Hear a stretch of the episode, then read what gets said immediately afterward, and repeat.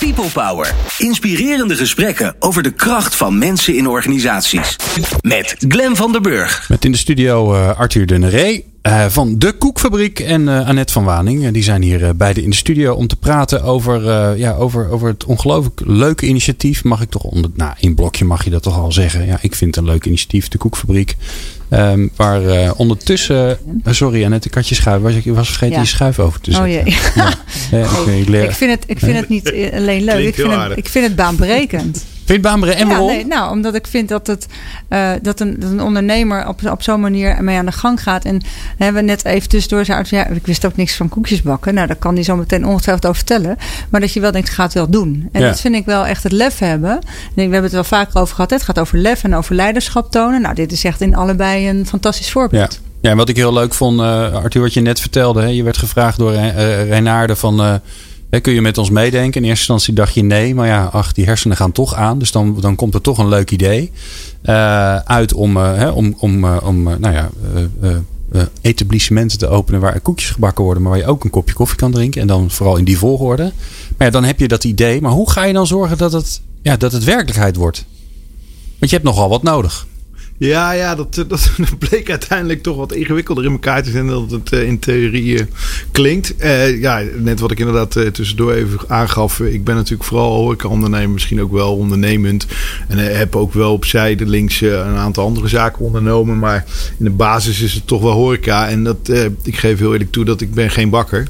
Ik denk wel dat ik de verbanden zie. Dus, dus uiteindelijk zijn we begonnen. Dat was eigenlijk in het begin ook nog een ander idee. Dat, wat, wat, waar ik vooral in de steden zoals Utrecht, maar ook in Den Haag wel veel zie, is dat er heel veel restaurants zijn die overdag gesloten zijn omdat ze met de lunch niet draaien. En dan uh, heb je dus een leegstand eigenlijk overdag. Er zitten vaak fantastische keukens in, maar die worden helemaal niet gebruikt. Hmm. Ik denk, nou, misschien kunnen we die keukens gaan gebruiken. Want even voor jullie beeldvorming, als je brood, brood en koek bakken is een hele andere wereld. Brood is, uh, gaat helemaal met, ik doe nu net of ik er heel veel verstand van heb, maar je begrijpt Je hebt heel veel geleerd. heel veel voorbij heb geleerd. Dus schade en schande.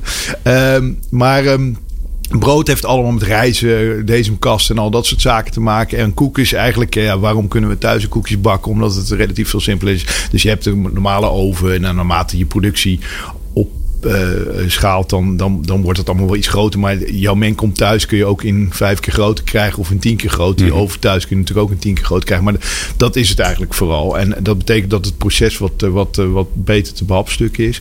Um, maar goed. Uh, en dus kun je met een gewone, laten we zeggen, gewone professionele keuken van een precies. restaurant, daar kun je mee uit. Ja, precies, precies. Dus je, je kan dus uiteindelijk zeggen van, uh, ik gebruik die leegstaande keukens. Hè. Meestal de chefs of de koks die komen nu of één tussen één en twee, die gaan dan een mise en place, zoals het heet, voorbereiden. Hè, dus de voorbereiding doen voor de avond. En dan om vijf, zes uur komt, uh, en dan gaat de zaak open en dan gaan ze draaien. Dus als je nou zegt, ja goed, ik werk met deze groep vanaf zeven uur s ochtends tot een uur of één, dan ruim ik de boel op en dan kan de chef daarna zijn zaken gaan doen. Dan gebruik je die raam, ruimte meer. Het zijn natuurlijk vaak mooie zaken die meest vaak ook in centra van grote steden staan. Waar ja, wat gewoon doodzonde van is dat ze overdag dicht zijn. Nou, dat was in theorie een mooie gedachtegang. Alleen dat bleek in praktijk ook toch ook wel weer wat anders in elkaar te zitten. Omdat je toch, je moet realiseren dat er toch wel vaak partijen zijn die het ja, eigenlijk niet erg ja, op een of andere manier toch afstand willen blijven houden van deze, deze mensen en deze doelgroep. En die werken dat dan toch op, eh, op hun manier een beetje tegen. Dus die gingen dan vaak klagen over het feit dat de keuken niet goed schoon was. Of weet ik wat. Maar je hebt het wel uitgeprobeerd? Ja, ja we hebben het geprobeerd. We zijn begonnen bij Kookmeesters. Dat is een kookstudio voor mij in het centrum van de stad. Dat ging eigenlijk heel goed. Maar dat is natuurlijk een kookstudio is natuurlijk wat makkelijker, omdat je precies weet wanneer je wat gaat krijgen. Dus konden we ook wat, meer, wat makkelijker op, uh, op en, en, de koekenbakkers ook een beetje voorbereiden op het feit van, nou ja, morgen is het om twee uur partij, dus jullie zijn eerder klaar. Weet je, dan, dan, dan, dan is er allemaal rust en regelmaat nog. Uh, maar toen zijn we uh, in Café het Hoofd gaan zitten. Dat is een filmcafé tegenover eigenlijk ons koffiebartje. Dus daar had je ook veel mooier die, die link meteen. Maar ja, dat werd toen allemaal wel lastig. Dan zag je gewoon ja, het, het, het, werkt allemaal. Het, het, het, liep gewoon een beetje vast. En het probleem ja. met dit soort dingen, dat uh, vaak voor um, mensen zonder beperking dat lastig is om op een gegeven moment een regelmaat te vinden in hun werk en prettig, en dat ze in een prettige omgeving zitten, uh, is dat voor deze groep helemaal belangrijk. En als dat, als dat gewoon niet werkt, dan kun je blijven duwen en trekken, maar dan weet je op een gegeven moment laten we hier maar mee stoppen. Dus uiteindelijk hebben we toch gekozen voor, uh, voor los, voor een echte, voor echte bakkerij, een eigen bakkerij. Ja, maar daar kies je dan voor? Oh, dat, dat klinkt redelijk eenvoudig, maar dat betekent dat je ruimte, spullen. Ja. En, ja. en dan? Wie, wie, bijvoorbeeld, hè, bijvoorbeeld maar even. Wie gaat dat dan betalen? Ja, ja, dat was nog een mooie. Een flinke investering. Hebben, uh, ja, klopt. Ja, ja, ja, het is een flinke investering. Maar we zijn een beetje begonnen met, nou ja, zoals ik zei in de kookstudio. Dat, dat liep eigenlijk best wel goed al. Daar hadden we helemaal geen marketing aan gedaan. Dus kwamen soms men, mensen, want toen hadden we zelfs nog geen koffiebar. Dus toen zochten mensen helemaal gek om te kijken waar we dan die koek aan het bakken waren. En hadden ze ons eindelijk gevonden. En dan waren ze ook helemaal trots op. Wij zaten alleen bij de woorden, ja, veel meer dan 100 kilo per week kunnen we op dit moment echt niet bakken. Dus er zijn mensen op ons afgekomen die allemaal kilo's koek willen. Dan, dan hebben we meer productieproblemen.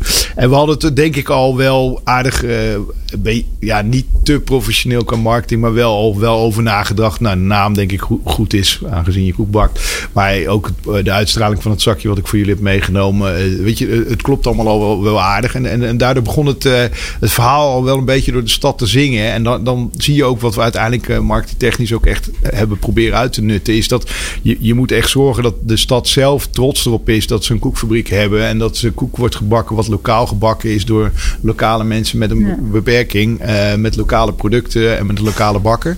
Nou, en dan gaat het langzaam zeker groeien, zeg maar. Maar goed, de start was in de eerste instantie zijn we gewoon begonnen met een horeca menkom. Nou, die kost niet wat uiteindelijk degene die we nu hebben is 50 kilo. We hebben uiteindelijk inderdaad een oven van een ketenbedrijf uh, tijd gehuurd. En daar zijn we gaan bakken. We zijn een beetje houtje touwtje begonnen. Omdat we ook eerst wel een beetje zoekende waren van, van hoe gaat dat, hoe gaat, hoe gaat, welke vorm gaat het krijgen? En dat is vooral de zorgkant, zeg maar. Nou, de, de zorgkant, uh, uiteindelijk is die door ook een medewerking van uh, Renade, heeft dat een keurige vorm gekregen. En toen hebben we toch wel gezegd van ja, nu wordt het wel tijd voor een professionaliteitsslag. Toen hebben we dus ook een crowdfundingsactie opgezet in Utrecht om eigenlijk een echt volledig geutileerde bakkerij in te richten. Nou, daar hebben we 122.000 euro mee opgehaald. En Zo. daarmee uh, zijn we de boel gaan inrichten. Ongelooflijk. Ja. Maar even terug naar jouzelf. Hè? Want uh, uh, het begon met de vraag van Renaarde. En toen dacht je, nou nee, ik ben te druk. En toen had je toch een idee. En nu zit je er middenin. Ja, ja. En, en je had het al druk. Ja. Wat is dat dan? Waardoor je denkt, jeetje, maar dit is toch wel, hier moet ik, hier moet ik bij zijn.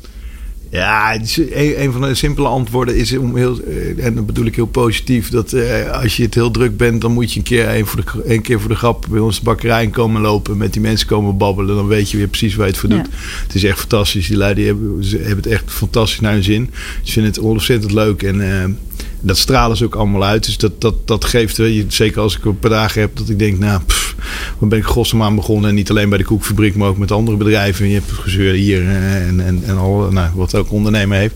Dan loop je daar weer naar binnen en dan kun je de zaken weer snel relativeren. Echt waar? Ja. Um, maar um, ja, de andere reden is. Um, ik denk dat ik zelf een ondernemer, want als ik een beetje analyseer, aangezien de laatste tijd natuurlijk vaker mensen me dit vragen, uh, meer een ondernemer ben die zaken opzet. En op het moment dat ze eigenlijk beginnen te draaien, dan, dan, dan is de aandachtspan al een beetje snel, redelijk snel verdwenen. Okay. Dus dan mag iemand anders het eh, gaan doen om te consolideren. En in dat programma past de koekfabriek natuurlijk, als ik nou uh, gewoon persoonlijke naar mezelf als persoon kijk, helemaal fantastisch. Omdat je elke keer één koekfabriek gaat opzetten in een nieuwe stad. Daar de hele truc nog een keer probeert te doen. En zo ga je het hele land door. En het mooie van de organisatie wordt dan dat je dus in allerlei steden allerlei uh, koekfabrieken hebt. Terwijl en je de verkoop wel centraal gaat regelen. Want dat doen we vanuit de sociale werkplaats in Woerden. Want dat is uh, anders niet te behapstukken voor elke bakkerij in elke kleine stad. Maar... Um, ja, want even voor mijn beeld. Hè? Je hebt, je hebt, je hebt zo'n uh, zo'n koekfabriek. Daar kun je koek, koek kopen met een beetje koffie. Ja. Maar dat is eigenlijk een, een soort klein winkeltje voor een grotere koekfabriek. Want niet alle koek die je maakt verkoop je in dat winkeltje. Nee, we verkoop, proberen tussen de 100 en 200 kilo. Dat, dat lukt ons eigenlijk ook altijd wel uh, lokaal te verkopen. Dat is en aan lokale horecabedrijven. Maar ook, en dat is per? Dat is per vestiging. We per, doen ongeveer... Per dag, per week? Oh, sorry, per week. Oké, ja. ja. dat zit bij mij al in mijn systeem. Ik, het zijn ons, veel koekjes hoor. ja, dat, is, dat zijn uh, zeg maar... Uh, dit is 200 gram. Dus uh, wat is het? vijf, vijf keer 2500 zakjes elke week.